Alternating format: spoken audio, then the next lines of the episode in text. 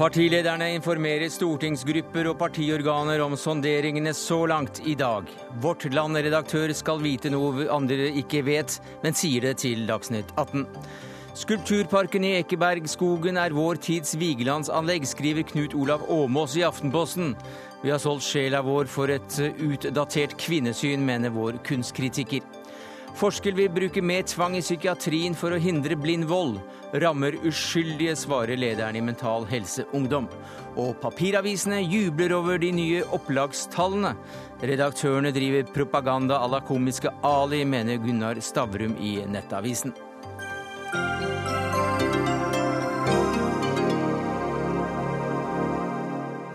Ja, det er noen av sakene i Dagsnytt 18 denne onsdagen, der vi også får besøk av forfatteren som har skrevet romanen om Ulrika Meinhof. Men først til det som noen kommentatorer har kalt D-dagen for den borgerlige sonderingen.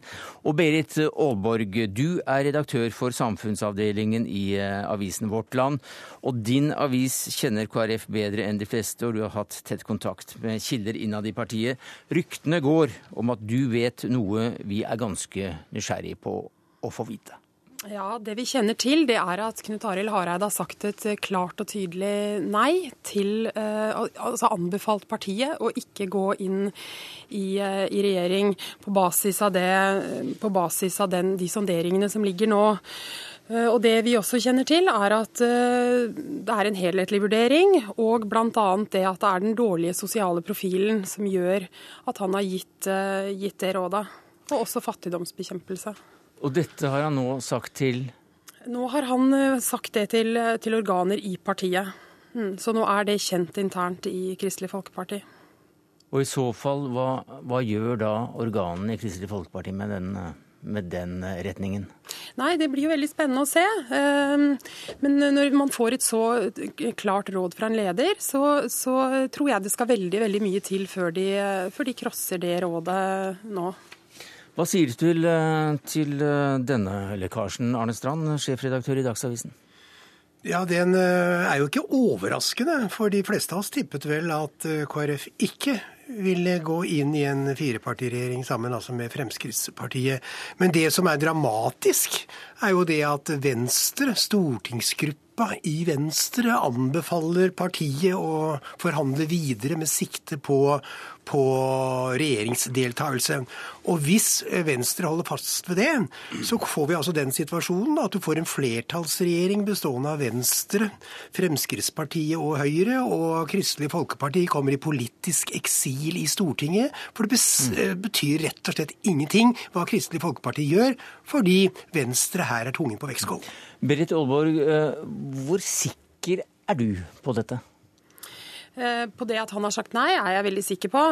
Eh, hva som skjer i dagene som kommer, det er jeg ikke så sikker på. Men at han har sagt nei, det, det, det, det er vi veldig, veldig sikre på. Så det, jeg er enig med Arne Strand at det er spennende å se hva som skjer mm. utover i dagene nå. Altså. Og hva Venstre bestemmer seg for, det, blir jo også interessant i forhold til hva, hva man diskuterer i KrF og hva man kommer frem til. Magnus Takvam, politisk kommentator i NRK, hva sier du til dette? Det, den informasjonen eh, jeg har om dette, stemmer sånn noenlunde med Berit Aalborg sin informasjon. Altså at Eh, dersom KrF på egen hånd nå eh, kunne ha bestemt på fritt grunnlag om de ville gå inn i regjering eller ikke, så hadde de sagt nei til å sitte i regjering med Fremskrittspartiet. Men siden situasjonen i Venstre er noe mer uavklart, på den måten at det er to grupperinger i Venstre som er uenige. En gruppering er innstilt på å forsøke å gå inn i regjering og forhandle eller sondere videre med, med, med tanke på det, mens en annen gruppering av ideologiske grunner eh, er eh, mot dette. Det betyr at Trine Skei Grande har en mye mer krevende si, sits i forhold til disse sonderingene. Derfor så eh, er det veldig vanskelig for KrF å konkludere Eh, her og nå om at de absolutt ikke vil gå inn i regjering. For da risikerer de i hvert fall, eh, sånn som situasjonen er, at Venstre teoretisk kan gå inn i regjering og etterlate da KrF uten innflytelse mm. i Stortinget. sånn at dermed så vil også KrF eh, gå inn og være med på disse fortsatte sonderingene og vente ut situasjonen og se hvordan Venstre opptrer. Olborg. Ja, men jeg tror det blir, det blir, veldig krevende for KrF å gjøre det når de først har eh, sett på disse sakene, og særlig på den sosiale profilen. Og, det, og selv om de på, på, mange måter har sagt at de skal stå sammen med Venstre. og det, det, var jo akkurat dette som var veldig krevende for KrF i forrige runde når de satt i regjering, at de opplevde at de mista den sosiale profilen sin. Så dette er ikke liksom tatt ut av bare disse sonderingene, dette er også en erfaring de bærer med seg. Og det skal jo også faktisk sies at Venstre hadde en mye mer positiv opplevelse av gjennomslag forrige forrige gang de to partiene satt i regjering med Høyre enn det de har nå. Men jeg er veldig usikker på om Venstre vil gå inn alene, det må jeg virkelig si. Men eh, tror du da at, eh, at Kristelig Folkeparti sier at eh, eventuelt allerede i dag at det var det? De har jo ikke sagt noe offentlig, så, så det må vi jo bare vente og se. Arnesen? Nei, altså De har vel sagt at de skal møtes igjen i morgen uh, sammen med de andre partilederne for å uh, gi sitt endelige svar til uh, påtroppende statsminister Erna Solberg. Og det er jo Erna Solberg og ikke de andre partilederne som skal trekke konklusjonen om dette går eller ikke, altså med, med fire partier. Men det er helt utenkelig at landsstyret og stortingsgruppa til Kristelig Folkeparti skulle overkjøre partilederen i spørsmål som dette. Da må han jo gå av, for da har han jo ikke tillit i, i sitt eget parti. Så hvis det er er så klart, som Beres nå sier, at han har vært så mm, to the point i sin tale til landsstyret nå i ettermiddag, så blir det ikke noe av det firepartisamarbeidet. Altså, Nå får vi eh, vente og se hva de videre sonderingene eh, fører til. Men det er, eh, det er ikke slik at KrF i dag kommer til å si at vi blir, tror jeg, blir med på nye sonderinger i, i Nydalen i morgen. Nei, det tror jeg ikke. Men det kan hende at og jeg tror som sagt at det er veldig viktig altså KrF har mange hensyn å ta. Eh, det ene er at de isolert sett, slik situasjonen politisk er, vil, ser for seg veldig store problemer med å sitte i en regjering sammen med Frp i fire år og måtte, måtte forsvare den profilen og den politikken mm. en slik regjering fører. Det andre, andre er at hensynet til sentrum som faktor i norsk politikk gjør at KrF også må ta hensyn til uh, Venstres opptreden. Og de, de, er meget opptatt av i forhold til valget i 2017 at sentrum ikke blir splittet, men at de to, som nå da Venstre og KrF, står sammen eh, antagelig da i, i, Stortinget i løpet av denne mm. perioden, og kan presse ved, via sin vippeposisjon. Men hvis, eh, hvis, det da er, hvis, det da, hvis det, det viser seg at det er helt riktig at han helt bombastisk Hareide også går inn og sier at han ikke vil tilråde partiet å gå videre i Han vil ikke tilråde slik det ser ut nå. Mm. og det, du, det, må du si hvis du skal ha troverdighet i, i forhold til å gå inn i nye sonderinger. så, så, vil han måtte, måtte, gå med på mm. det og si at hvis Høyre og Frp mot formodning kommer med hele KrFs partiprogram i morgen og, og gir de det, så, så er saken ja, Bare et lite innspill Så det kan faktisk tenkes at, eh, at, denne lekkasjen er en del av en forhandlingsstrategi for å komme et skritt videre og gi klart signal til eh, de tre andre at her sånn så må vi ha mer for å komme, komme i mål med partiet? Det tror jeg ikke, for måten vi har fått det på, ut på tilsier ikke det. Men det jeg vil si er at jeg tror tror at det er riktig, eh, som Magnus Takvam sier, at slik det ser ut nå. Og så tror jeg du overdrev mine ord litt, hvor du sa at han ekstremt bombastisk Jeg husker ikke hvilke ord du brukte. Men han, han, har et, han, har gitt et, klart råd, det har han. Men om det rådet var veldig bombastisk, mm. det kan ikke jeg uttale meg om. Men det var i hvert fall et råd om at de, sånn som det ser ut nå, eh, må si, eh, bør si mm. nei. Men nå har jeg altså sittet sammen i ni-ti dager og sondert og samtalt og forhandlet. Det er ingen grunn til å tro at Kristelig Folkeparti i løpet av morgendagen eller helgen skulle få til mye mer enn det de har fått gjennomslag i disse forhandlingene. Og når Hareide på grunnlag av det som nå foreligger ja, ja, eller forhandlinger eller sonderinger, kalle det hva du vil, vi vet hva vi snakker om, eh, så er det ikke, ikke sannsynlig at Høyre og Fremskrittspartiet vil gi enda mer til, eh, til Kristelig Folkeparti. Så, så, det mest spennende akkurat i øyeblikket, det er hva Venstre gjør. Venstre har bestemt seg tydeligvis for å gå videre, fordi at Venstres stortingsgruppe den er helt ny. Det er helt nye folk. Det er bare Trine Skei Grande som er igjen fra Sponheim-tradisjonen i, i, i, Venstre, som har dette uh, angstbiterske forhold til Fremskrittspartiet. De åtte andre i gruppa har ikke det. De er veldig lykkelige over at det hele tatt har blitt valgt de på Stortinget nå, og vil gjerne ha makt. De vil inn i regjeringen. Stortingsgruppa til Venstre. Altså, jeg skulle bare si at jeg også syns det er ganske interessant de lekkasjene som har kommet ut litt når vi har prata rundt omkring. Fordi det det kan se ut til, det er at Høyre har vært veldig harde i de økonomiske forhandlingene. Sånn at det har kommet ut en del lekkasjer om småsaker. Men det som jeg hører både fra KrF og Venstre, folk jeg har snakka med, det er at det har vært veldig tøffe forhandlinger, og at uh, Høyre har kjørt veldig tøft på den økonomiske politikken, og at det er lite å hente på de sakene som kanskje særlig KrF, men også Venstre vil ha ut. Så dette er jo selvfølgelig også en del av det bildet. Mm. Altså jeg tror uh, I utgangspunktet så er det, er det, slik at Venstres politikk ligger mer til rette for, hvis man er politisk interessert i det, å få til et eller annet kompromiss med Høyre og Frp. Fordi eh, både i skattepolitikk uh, er de noe nærmere uh, høyrepartiene i arbeidslivsspørsmål osv. Og også. Eh, og i miljøpolitikken så vil ikke Det er ikke der Fremskrittspartiet setter inn eh, motstanden. De, de er villige til å gi ganske store innrømmelser på miljø- og klimapolitikken. Og det kan også hende at hvis det blir en mindretallsregjering, så er jo for så vidt Høyres press bl.a. i klima- og miljøpolitikken å si at Eh, å utsette Lofoten f.eks. får man bare dersom man går inn i regjering. Og Det er mulig at altså det er et sterkere argument for partiet Venstre enn for hele Kristelig Folkeparti. Så på den måten så, så er, det, er det en annen sits for Venstre, men jeg tror samtidig at Eh, Trine Skei Grande neppe går inn i regjering sammen med Høyre og Frp med et splittet og uenig parti bak seg, så små de er i forhold til de to andre partiene.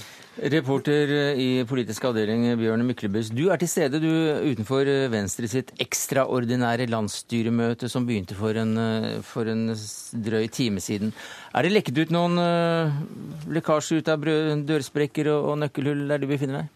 Jeg er effektivt isolert i et provisorisk presserom, så det er tre dører mellom meg og det nøkkelhullet vi gjerne skulle tittet litt inn i. For Det hadde jo vært spennende da, å høre hva, om, om, Venstre og Trine Skei Grande i hvilken grad de er informert om det Berit Aalborg vet om hva Hareide har sagt til sine. Fordi vi har jo hørt mye om dette her, disse to partiene som er limt, limt sammen. Vi er overlatt til en tvilsom vitenskap, og det er å tolke ansiktsuttrykk og temperaturnyanser i svar vi har hørt tidligere. Og Det Trine Skei Grande sier, eh, er at vi er ikke klare, blir det neppe i dag og neppe i morgen heller. Og dagens sitat er vi har god tid. Dere har god tid, eller Vi har god tid, sier hun. Og så sier hun også at hvis ikke pressen oppfører seg pent eh, i korridorene utenfor forhandlings... Eller der de møter eh, sine likestillede sinnede, dette partiet Venstre, ja, så får de ikke lov å være der det er noe heller. Jeg vet ikke om det er eh, de tre dørene forklares av en knust vegglampe jeg har rapportert om tidligere i dag. Det var, var til dels kaotiske tilstander, for alle lurer jo på hva selvfølgelig da, som dere har snakket om, hva lander Venstre på? Sier de Sier hun eh, det blir regjering, eller sier hun morna, Siv? Har det vært hongemeng? Nei, det, var, det er ren fysikk. Trang gang, 50 pressefolk, én partileder. det regnestykket som ikke gikk opp. Det var en journalist som kom der den, eh, den. Jeg, jeg, jeg, var til stede og så det. Jeg har gjort research, og det var faktisk NRK som knuste vegglampen. Om en snau time setter KrF sin stortingsgruppe seg bak lukkede dører på Gardermoen for å drøfte partiets videre strategi. Og der er du politisk eh, reporter Lars Nehru Sand. Hvilke signaler eh, har vi nå på hva utfallet av møtet i partiets stortingsgruppe vil bli sett med, eller hørt med ører som, eh, som da vet det vi i studio vet nå?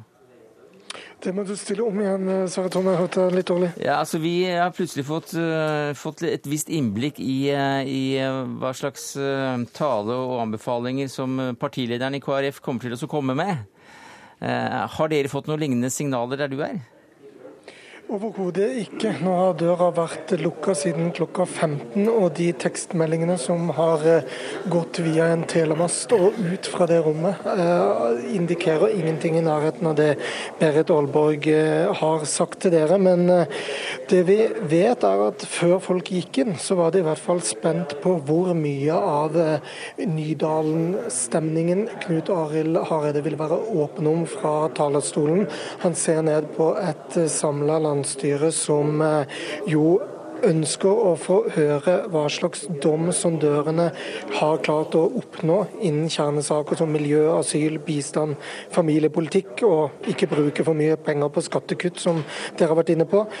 Så får vi se hvor mye av innholdet de har fått, og hva slags grunnlag de har gitt et, eh, et, råd til. Men det vi har eh, trodd frem til nå, er i hvert fall at utfallet, som vi nok får rede på om en time eller to eller tre, vil være ett av tre. Enten ja til samarbeid, nei til samarbeid eller flere krav Hareide må ta med seg til en ekstraomgang i Nydalen i morgen. Og hvis de stormer ut av dørene litt tidligere enn antatt, så er du med oss igjen, Lars Nehru Sand, fra altså KrF sin stortingsgruppes møter luk bak lukkede dører på Gardermoen. Arne Strand, hva er det mest trolig at uh, vil skje i dagene framover? Hvem kommer vi til å se i regjering? Jeg har trodd uh, veldig lenge at det ville bli en regjering av Høyre og Fremskrittspartiet. Ganske enkelt fordi jeg har vært villig til å ta Eh, Knut Arild Hareide på ordet når han sier at det er lite sannsynlig at Kristelig Folkeparti med sin tradisjon og sin politikk kan sitte i en regjering med Fremskrittspartiet. Men så har eh, valgresultatet forandret litt på dette, fordi eh, KrF kom ikke på vippen i Stortinget, som jeg tror at Knut Arild Hareide hadde trodd selv. Det ble Venstre. Det ble Venstre som kunne danne et flertall sammen med Høyre og Fremskrittspartiet. Så da har det gått litt fram og tilbake. Men jeg vet at stemningen i Kristelig Folkeparti hele tiden har vært den at de skal få veldig store gjennomslag i disse forhandlingene for at, for at, KrF kan gå med. Nå har jo også Erna Solberg i hensyn å ta til Fremskrittspartiet og Siv Jensen. Det er altså grenser for hva Siv Jensen kan gi av sentrumspolitikk inn i dette, dette prosjektet. Så dette har vært en hårfin balansegang hele tiden for Erna Solberg. Jeg er ikke overrasket om om KrF til slutt sier nei til regjeringsdannelse. Og da tror jeg Trine Skei Grande motvilje, motvillig må slå følge med Knut Arild Hareide. Magnus Akvam. Ja, så, sånn som vi har uh, analysert det her, så, så, er jo svaret Høyre og Frp er det mest sannsynlige, uh, den mest sannsynlige utgangen på dette.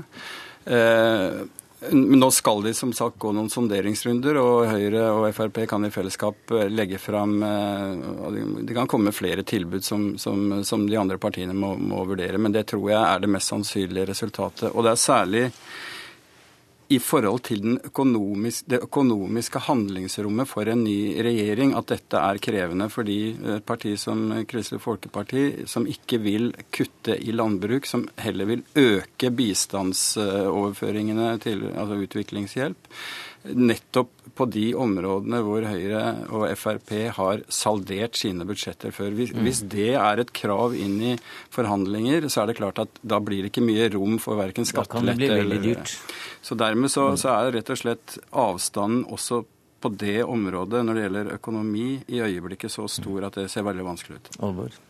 Ja, og så har jeg lyst til å si en siste ting. fordi at De siste dagers debatt om snikislamisering i Fremskrittspartiet, den har nok vært mer krevende for Venstre enn den har vært for KrF. Fordi at Fra tidligere så har det jo eh, altså Venstre er det partiet med en del på borgerlig side, de som har hatt mest motvilje mot Fremskrittspartiet. og Det går ikke så mye på den økonomiske politikken som det gjør i KrF. Men disse tingene, når Tybring-Gjedde eh, kommer med sine utspill, så smerter det eh, Venstre Venstre veldig sterkt. Så de har akkurat den, runden, den siste runden med Frp har nok vært ekstremt krevende for Venstre. Noe som også da gir den retningen at det blir to partier og ikke tre eller fire? Ja, Det er veldig vanskelig å spå. Jeg tror, ikke, jeg tror, ikke, vi kan slå helt fast hva som kommer til å skje, men jeg vil også tippe at det er den mest uh, sannsynlige uh, enden på det. Men, men det, det, det, skal gås flere runder, og det, er, det kan skje overraskende ting, uh, som også Magnus Takvam var inne på. Takk skal du ha, Berit Aalborg, redaktør for samfunnsavdelingen i Vårt Land, Arne Strand, sjefredaktør i Dagsavisen, og Magnus Takvam, politisk kommentator i NRK.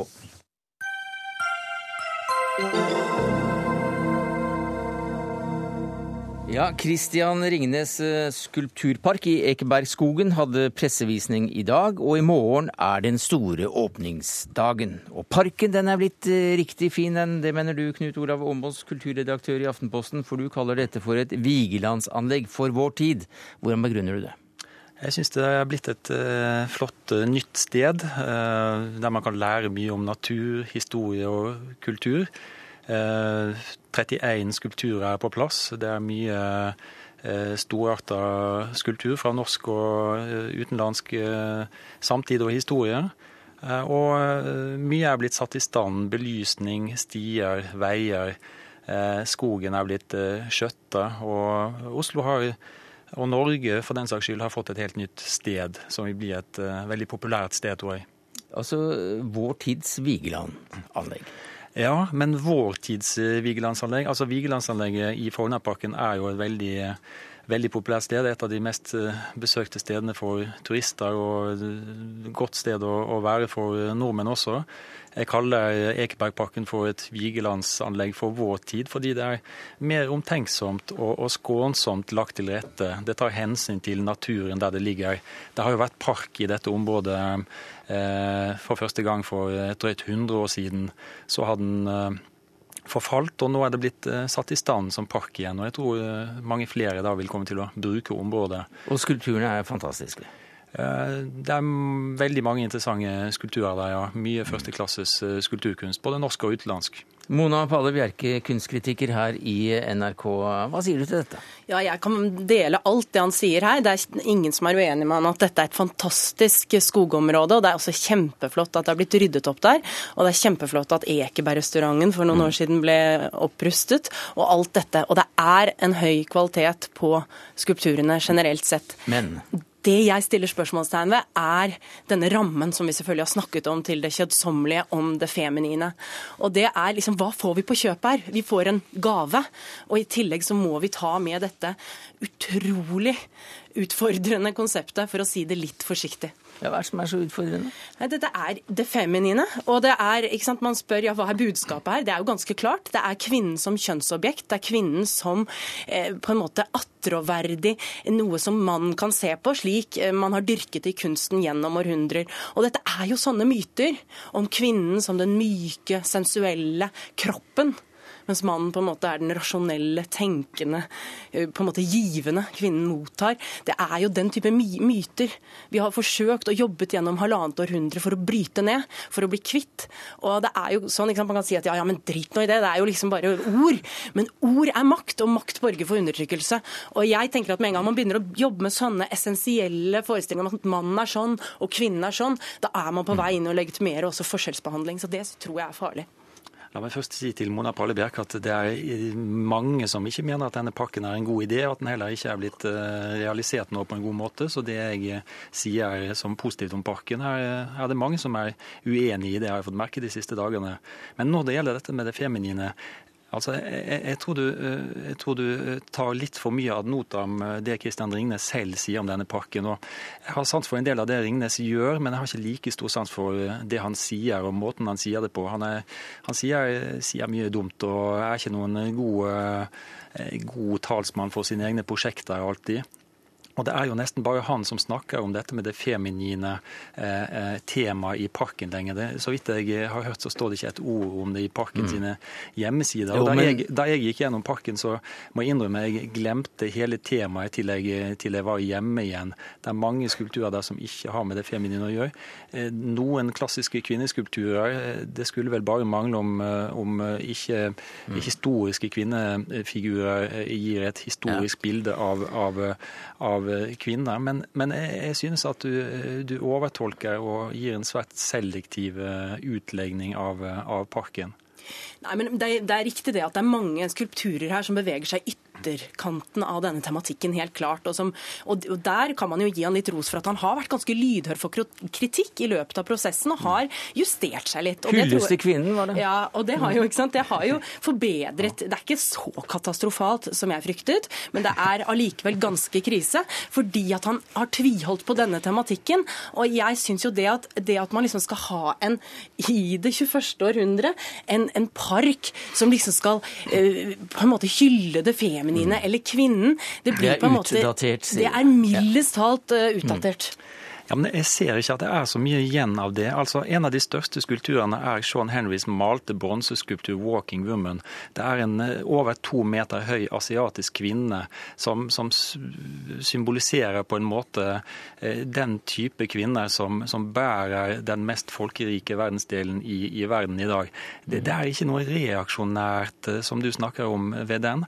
Og, og også denne, denne skulpturen av Marilyn Monroe uten hode, som du angriper. sorry. Hva om den skulpturen, eh, ved å være uten hode, nettopp vil eh, kritisk se på tradisjonen og historiens blikk på Marilyn Monroe, som bare har sett formene hennes uten hode?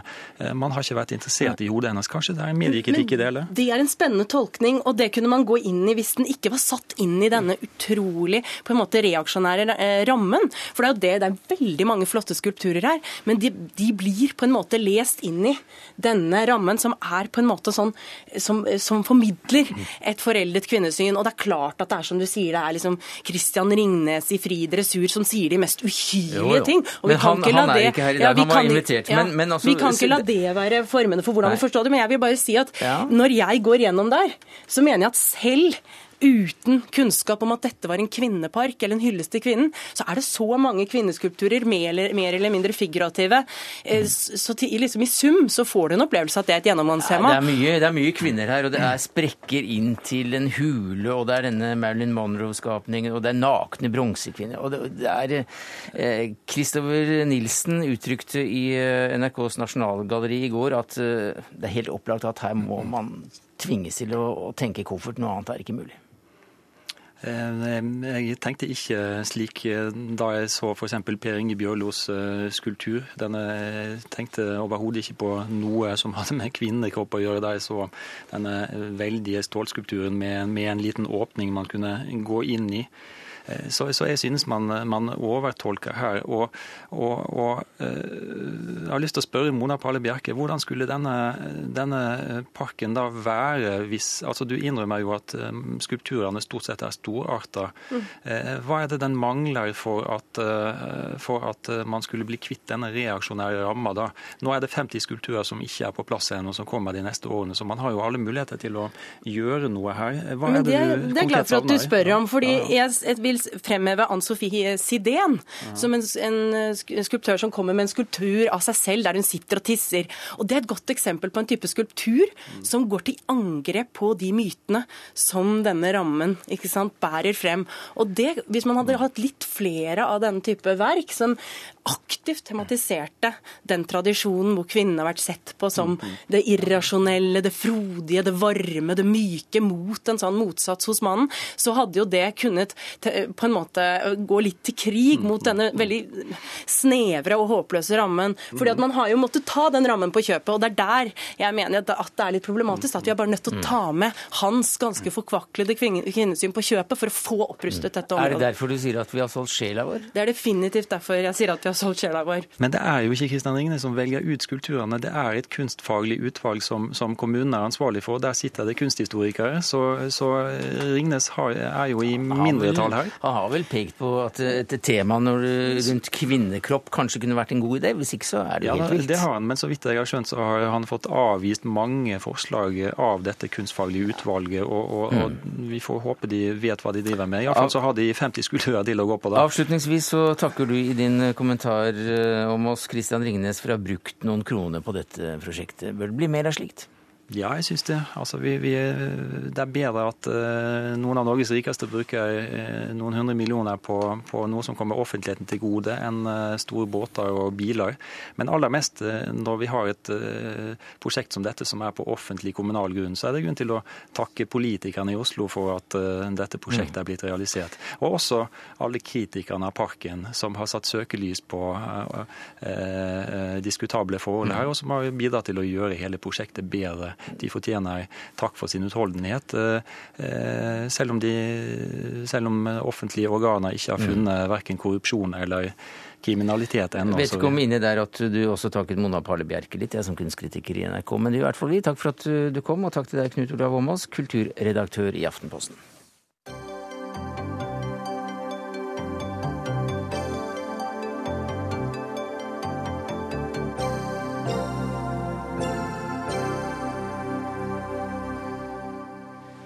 Ja, Født inn i den tyske intelligensiaen, kjent journalist, terrortrent, dømt for bankran, bombeattentat, mordbranner, 60 mordforsøk og seks mord.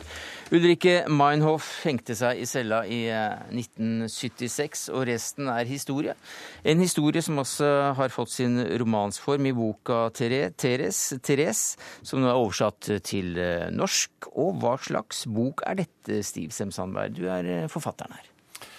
Ja, det alltså, det, det många tror att det bara är en bok om Ulrike Meinhof. Det är det inte. Det är en bok om Ulrike Meinhof, men det är i första hand kanske en bok om ett tillstånd som eh, Tyskland och tror jag också stora delar av Europa befann sig i under 60 och 70-talet när det vi då kallade terrorism härjade som värst. Nu ser ju terrorism lite annorlunda ut som vi vet. Men Hva er det du ville med denne boka, som du også skrev helt tilbake til 1996, eh, men som ja, kom ut på svenska 96. Ja, men som da kommer på norsk i disse dager? Mm, altså, ville og ville. Jeg tror man ikke skal redusere forfatterens utslutning, at han vil, vil, vil noe, utan, utan hva det handler om, var å forsøke å gestalte noe. Mm. Um, det er svårt dag å forstå, tror jeg, riktig den här politiska extremismen som var en del av en legitim politisk rörelse i Tyskland på den tiden. Det var bara 15 år sen, 20 år sedan, sedan andra var slut. Kissinger ble blev förbundskansler 1967. Han hade rötter i det gamla nazipartiet. Eh, Gudrun Ensling som var en av medlemmarna i den här gruppen pratade om Auschwitz-generationen som fortfarande satt vid makten och eh, Många inom studentvänstern framförallt reagerade väldigt kraftigt på detta. Och när ord inte längre förslog så tog man till vapen. Det var också många, påfallande många i Tyskland då som faktiskt åtminstone passivt gav sitt stöd til denne eh, rørelsen. Men i hvert fall så er det da gjennom denne personen, eh, Ulrika Meinhof, at du tegner dette bildet av Tyskland og den tiden dette, dette skjedde i. Og hva slags person er det du har fått fram i denne boka? Man kan jo si at den Ulrike Meinhof som jeg tegner, er presis like splittrad som Tyskland var da. Mm. Alltså, Tyskland var jo delat og og, og Ulrike Meinhof hadde faktisk sine røtter i det gamle DDR. Hun vokste opp i Jena i Øst-Tyskland. Hun var også den enda i gruppen som var gammel nok for å faktisk komme ihåg kriget og hvordan det var. Hennes pappa viste seg senere, etter det at jeg hadde skrevet klar boken, var nazist. Och det är klart att det här väldigt, väldigt korta avståndet till de här traumatiska händelserna i Tysklands historia gav ju naturligtvis henne en speciell särprägel. Hon var intellektuell, hon var journalist.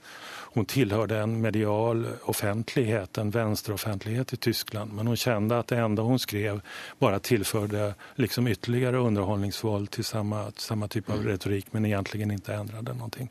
Så man kan säga att vad jag försöker skildra det är en människa som är väldigt, väldigt kluven som försöker på något sätt att hålla ihop de olika delarna av sitt jag och sitt eget förflutna till en helhet men inte klarar av det utan att hela tiden gå ytterligare ett steg til venstre, til venstre, til venstre. Ja, for, for, det som gjør denne boka veldig ubehagelig, og som flere anmeldere har pekt på, det er jo nettopp at eh, det er en journalist, eh, veldig kjent eh, journalist, som også tar skrittet over og blir terrorist. Mm. Og hvorfor i all verden gjør hun det? Det er jo en thriller mm. Eh, i seg selv. Og, og, for mange et ubehagelig moment i, eh, i denne boka. Altså det mest ubehagelige, om jeg hadde vært journalist, skulle jeg nok tykke at hun egentlig hele tiden er veldig konsekvent. Okay. Altså det er ingenting hun sier i sine artikler i den tidens venstrepress, den legitime venstrepressen, konkret f.eks. begynnelsen på 60-tallet, som hun ikke sier efteråt også.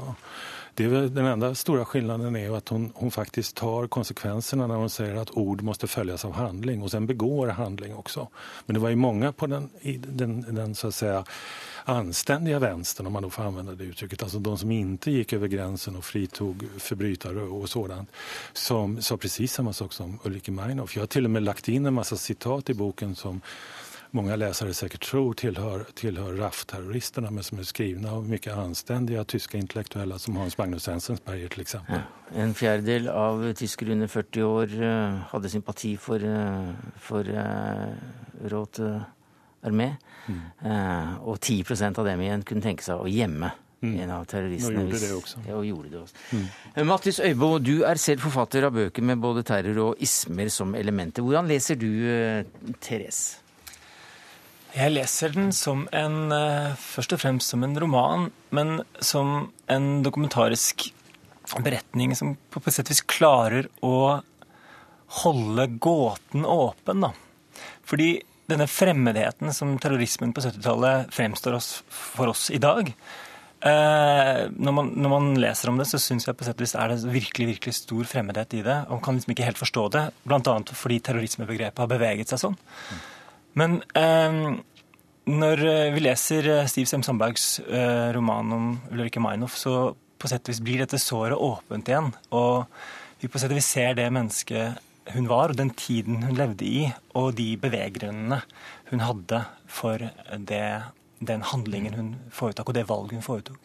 Og Det som på sett og vis gjør boken spesielt god eh, i mine øyne, er at, hun, at den boken ikke på sett og vis forsøker å, å gå til det innerste av hvem Ulrikke Meinhof er, men holder henne opp som en slags, eh, som en slags inngang til tiden som, en, som, er veldig, som, er egentlig veldig kort tid siden.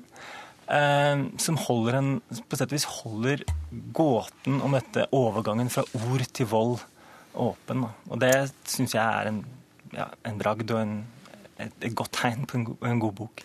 Dag Einar Thorsen, dette er jo ditt fagfelt. Du er universitetslektor Institutt for statsvitenskap, Universitetet i Oslo, og, og, du har studert disse bevegelsene i Europa grundig. Terrorismen etter 1968 i Europa. Hvordan ser dere forskere på Ulrikke Meinhof? Ja, det som eh, er spesielt med Ulrikke Meinhof, er jo at hun var i særklasse den mest skriveføre av medlemmene i venstreekstreme terrorbevegelser i Vest-Europa. Mm. Og eh, det at hun eh, er den førende kraften i det å formulere den ideologien som disse gruppene bygget på, Eh, er, gjør, gjør henne jo kanskje til den mest spennende av disse personene i, i, dette miljøet. For Det må jo kanskje understrekes at dette var en eh, relativt løs gruppering med veldig mange ulike sterke personligheter.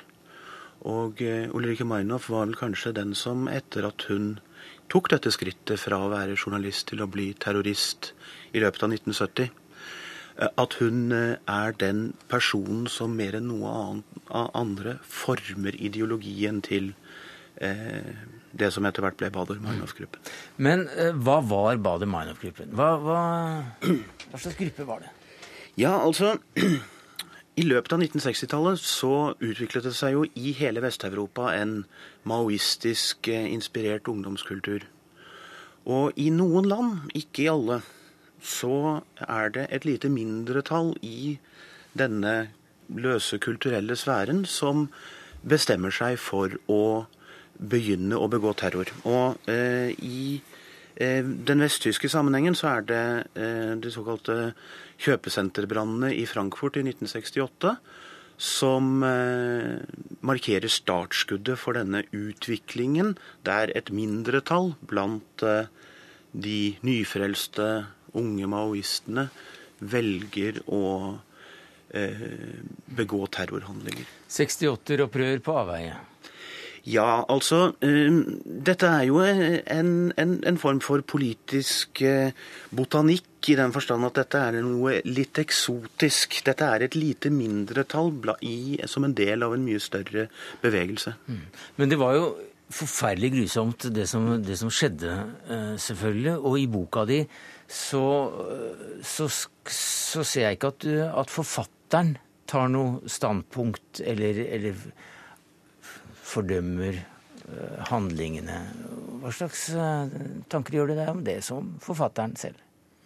Jeg tycker ikke at forfatteren skal, skal, skal, bestemme for leseren hva leseren skal tykke. Jeg tycker at leseren skal bestemme hva leseren skal tykke etter å ha fått, fått hele registret uh, spelat upp for seg. Jag menar, det här är inte en bok som, som, som slår fram, fram, en tes eller försöker slå ihjäl sin läsare på något sätt. Det här är en, en bok som försöker få, få läsaren att, att komma ut ur sig själv och själv ha en uppfattning om vad han tycker.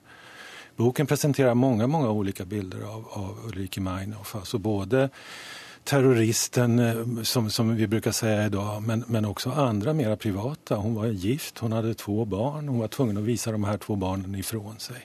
Og sen skal man også komme ihåg, og det tror jeg det kanskje det viktigste i min bok. Att nu när vi säger att hon gjorde det, hon gjorde det, hon gjorde det, hon gjorde det så får, får, får, det, får det, det hela att framstå som om det skedde i ett vakuum. Det mest intressanta med den här tiden, det mest intressanta med den tyska terrorismen, det är att den i alldeles högsta grad definierades av eh, den tidens mediala offentlighet. Det var springerpressen framfor alt i Tyskland. Det var media som fra å ha lovordet henne og alltid plassert henne lengst til venstre i alle TV-soffer, så at hun skulle kunne tjene som et slags rødt alibi i alle diskusjoner, mm. så man skulle høre hennes røst også, og høre henne som kvinne, vilket også var minst viktigt. Från det ögonblick da hun tog steget över i den så kallade terrorismen, nota bene att det här är är historieskrivningen efteråt som, som säger att det här är ett stort steg. I det ögonblicket förvandlades hon från att vara en legitim politisk röst i den mediala offentliga debatten i Tyskland, i Västtyskland då, till att bli Die Rote Hexe, den röda häxan. Och, och jag menar, vad det här säger om den tidens politiska paranoia, den typen, tidens kvinnofrakt och den typen av skräck som många hyste för för den här typen av radikalism är precis lika viktig tror jag för förståelsen av vad som hände som Ulrike Meinhofs egen person. Mm. Det är så lätt att demonisera, det är så lätt att mytologisera och, och, och, och, och göra henne till något slags madonna också. Men det är mycket, mycket, mycket svårare att förstå. Och ibland så kanske det är lättare att använda romanen som form för att förstå. Är det därför än du att, att, inte skrev alltså, en ren dokumentar om lyssna, det? jag är författare, jag är romanförfattare och ja. det här är ju vad jag gör så att säga. Men om, om man då istället försöker gå runt en person som är så pass mångfacetterad som henne, försöka skildra henne ur många olika facetter och olika perspektiv, så tror jag också att förståelsen hos läsaren blir viktigare än, att, än att kunna läsa ut ett mm. pekfinger och att döma. Er dette en, en metode for å komme nærmere fenomener som uh, vi ellers uh, ser på en helt spesiell måte? Syns du som forsker på dette? Altså, Forskningen på den venstreekstreme terrorismen i Vest-Europa har jo vært eh, preget av veldig mange ulike perspektiver. Og denne individorienterte tilnærmingen har jo eh, andre også forsøkt. Blant annet så har det jo vært skrevet en biografi, en mer eh, tradisjonell biografi over eh, Ulrikke Meinhof. Og eh, denne individorienterte tilnærmingen hvor en får med seg alle de ulike forholdene som ledet en bestemt person til å utvikle seg i denne retningen, er, er meget interessant og bidrar til forståelsen i likhet med mer eh, makroorienterte perspektiver. Ja, der fikk du med deg den. Takk skal du ha for at du kom, Stiv Semme Sandberg. Du og, og, din forfatterkollega Mattis Øybo er på full fart nå ned til Litteraturhuset, der dere skal ha en seanse eh, og snakke mer om akkurat dette nå klokka 19. Så taxien venter. Takk for at eh, dere kom. Takk også til Dag Einar Thorsen, universitetslektor ved Institutt for statsvitenskap ved Universitetet i Oslo.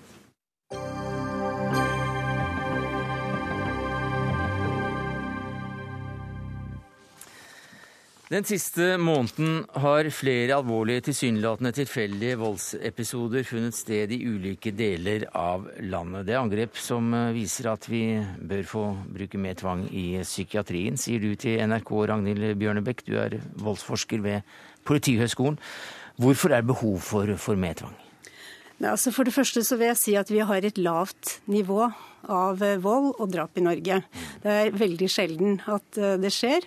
Eh, mitt poeng er i og for seg at de som dreper, de har en lang historie med vold. De har en lang historie med ulike typer lidelser.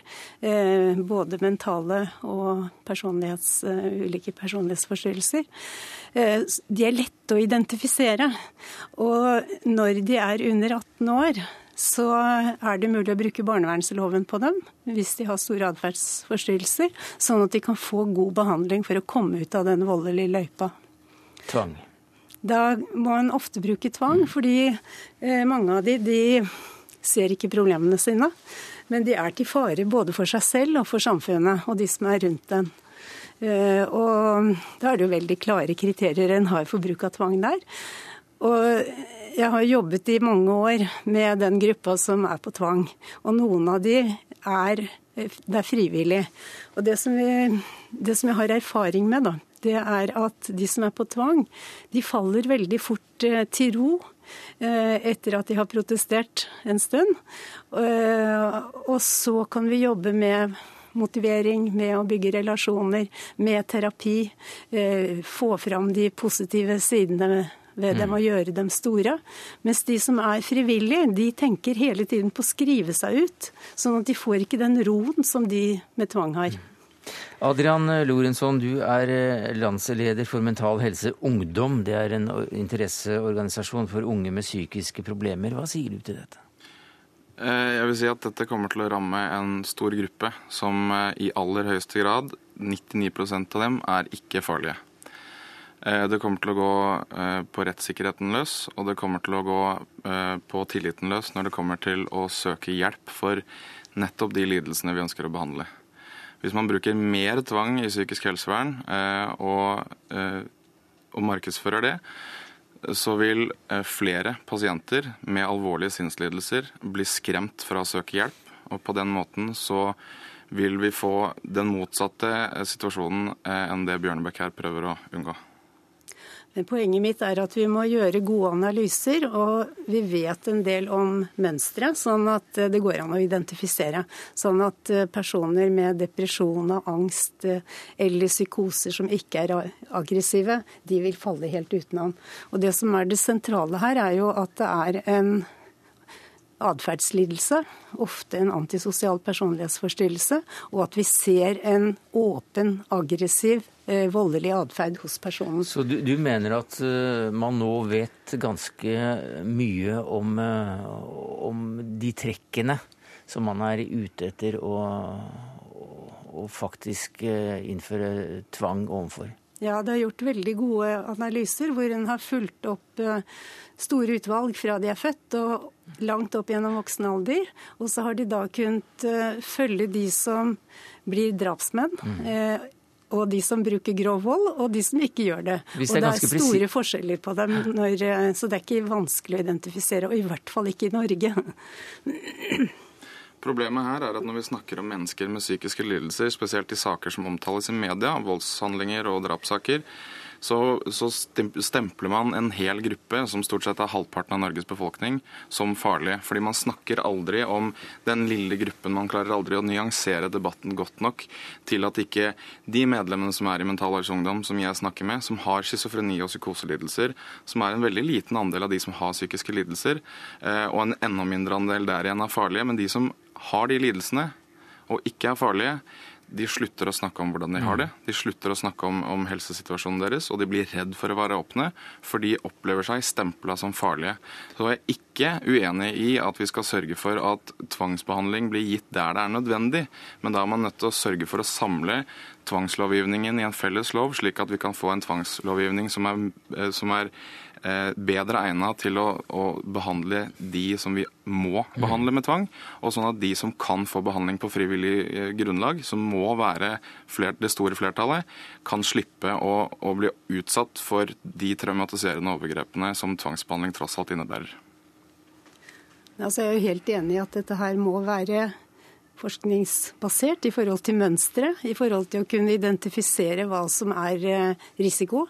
Og der vet vi såpass mye fra internasjonal forskning, og også noe fra norsk eh, forskning, som gjør at vi kan sette inn tiltak tidlig. Og det er jo noe av det som er mest sentralt, er jo det. Sånn at uh, kommer, de kommer ut av sin egen lidelse, mm. og samtidig så blir det mye tryggere i samfunnet. Men, men, du hører jo hva Mental Helse Ungdom sier om faren for å bli stigmatisert. Uh, hva kan man gjøre for å unngå den, men samtidig da uh, åpne opp for mer tvang for akkurat de som trenger det? Altså det med stigmatisering, jeg vet ikke hvordan den prosessen egentlig skjer. fordi vi som snakker om dette, her, sånn, vi er veldig nøye på å snakke om dette er snakk om voldseskalering. Det er snakk om en, et doseperspektiv når det gjelder risiko. Eh, det er eh, snakk om eh, Det er ikke Altså for noen som har psykoser eller schizofreni, og samtidig er aggressive. Det er de det er snakk om. Og så er det stort sett også snakk om personer med visse typer personlighetsforstyrrelser. Men det er få? Det er ikke så mange, og det er ikke så mange som bruker vold i Norge. Og de, poenget mitt er litt at det er lett å identifisere dem tidlig og sette inn med tidlig behandling.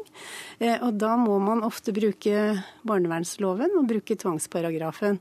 Og da, jeg oppfatter det ikke som noe negativt i den sammenhengen å bli behandlet med tvang. Heller som positivt. Takk skal eh, du ha, Ragnhild Bjørnebekk, voldsforsker ved Politihøgskolen, og til Adrian Lorentzon, landsleder i Mental Helse Ungdom.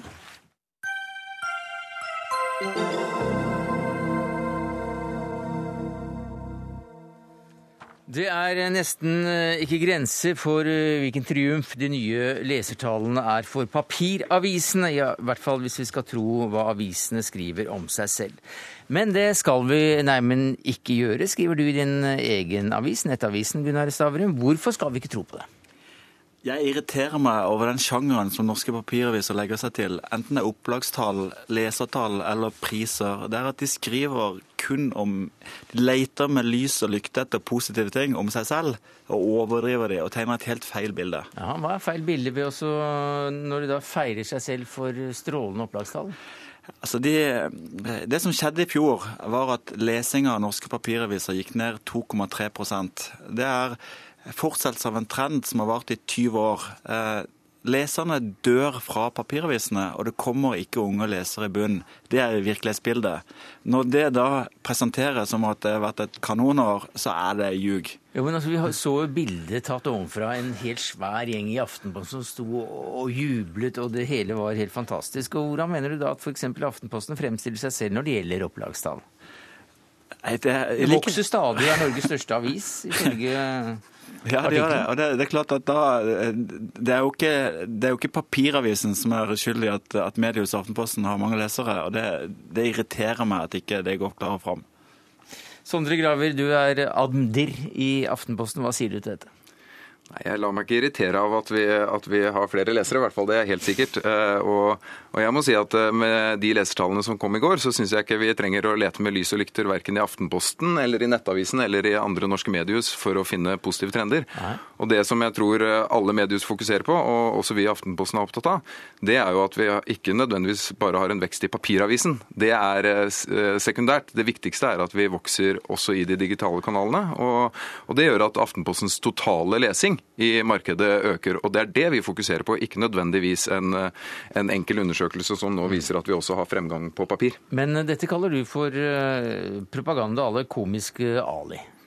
Ja, altså, eh, I fjor som sagt, så falt lesinga av papiraviser med 2,3% Det er omtrent det doble antallet av de som dør fra papiravisen i fjor. Eh, I 1991 så var det 84% av nordmenn som leste en papiravis hver dag.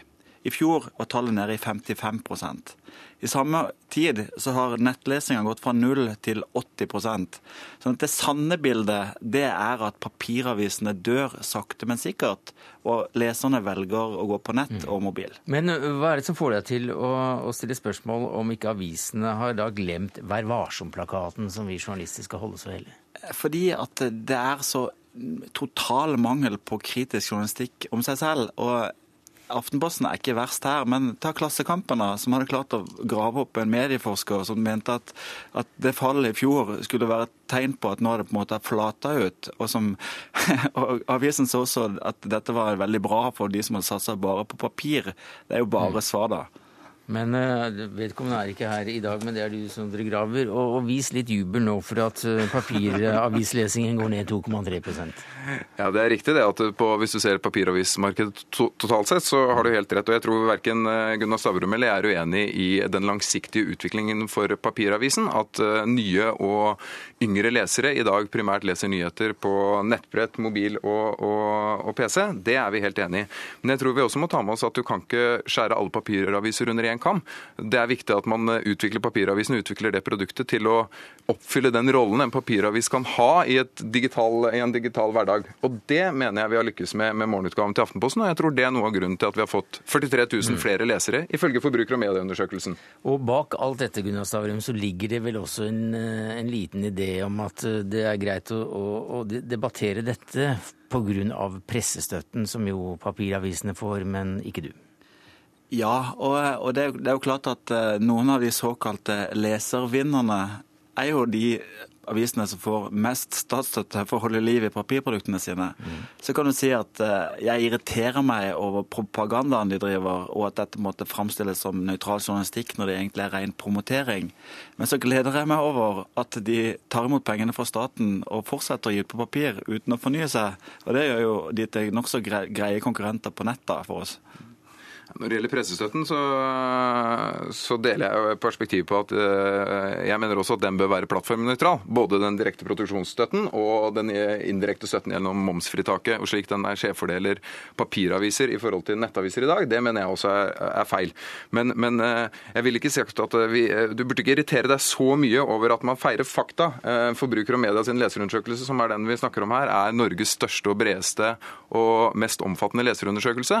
Og det vi har gjort, er egentlig bare bare forholde oss til fakta. Og fakta er jo at veldig mange norske mediehus har hatt en bedre leserutvikling i år enn de har hatt på flere år totalt sett. Ja, men nå, nå, nå, nå flørter du med komiske Ali du òg, Sondre.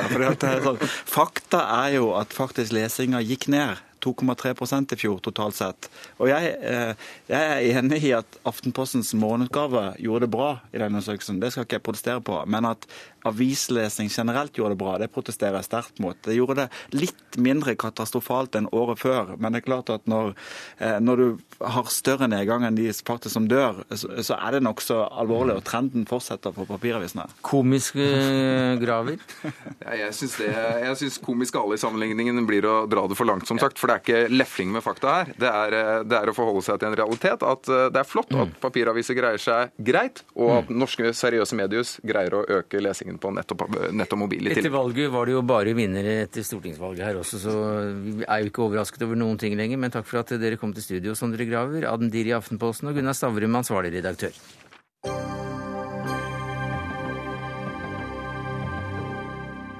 Ja, Til slutt skal vi en rask tur til Gardermoen igjen, for der har KrF stortingsgruppe nettopp avsluttet sitt møte. Tidligere i sendinga hørte vi at KrF trolig sier nei til å gå i regjering, ifølge avisa Vårt Lands Berit Aalborg. Men nå kommer det meldinger om at Knut Arild Hareide har anbefalt landsstyret å fortsette sonderingene. Politisk reporter Lars Nehru Sand, hva vet du mer om dette? Ja, Det er helt riktig. Det er sånn at det er landsstyret som er ferdig med møtet. Stortingsgruppa har begynt sitt møte nå, og vi må da tilbakevise den som var inngangen i Dagsnytt 18. Fasit her at KrF-leder Knut Arild Hareide sier at Høyre, Frp, Venstre og KrF skal fortsette sonderingssamtalene i morgen, i tråd med Hareides råd til eget parti. Han fortalte også at landsstyret legger vekt på at det skal være familiepolitikken, menneskeverd og god distrikts- og landbrukspolitikk som blir viktig når, eh, når, KrF eh, igjen setter seg ved bordet i Nydalen i morgen. Så det er riktig altså at eh, KrF fortsetter sonderingene med de tre andre ikke-sosialistiske partiene. Men det er også da riktig at det er også ut ifra en anbefaling av, av partiformannen? Partilederen? Det er sånn vi oppfatter, og det, det Hareide selv sa, ja. Eh, hva mer var det som kom ut fra dette møtet?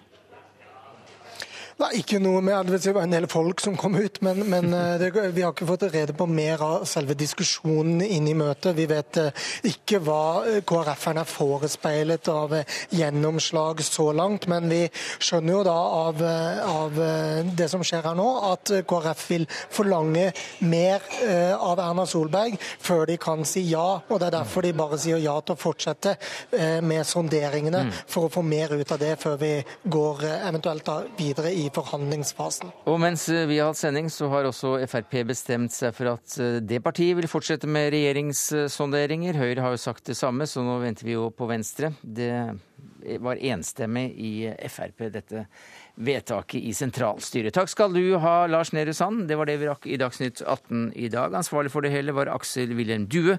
Det tekniske ansvaret hadde Lisbeth Sellreite, og jeg heter Sverre Tom Radøy.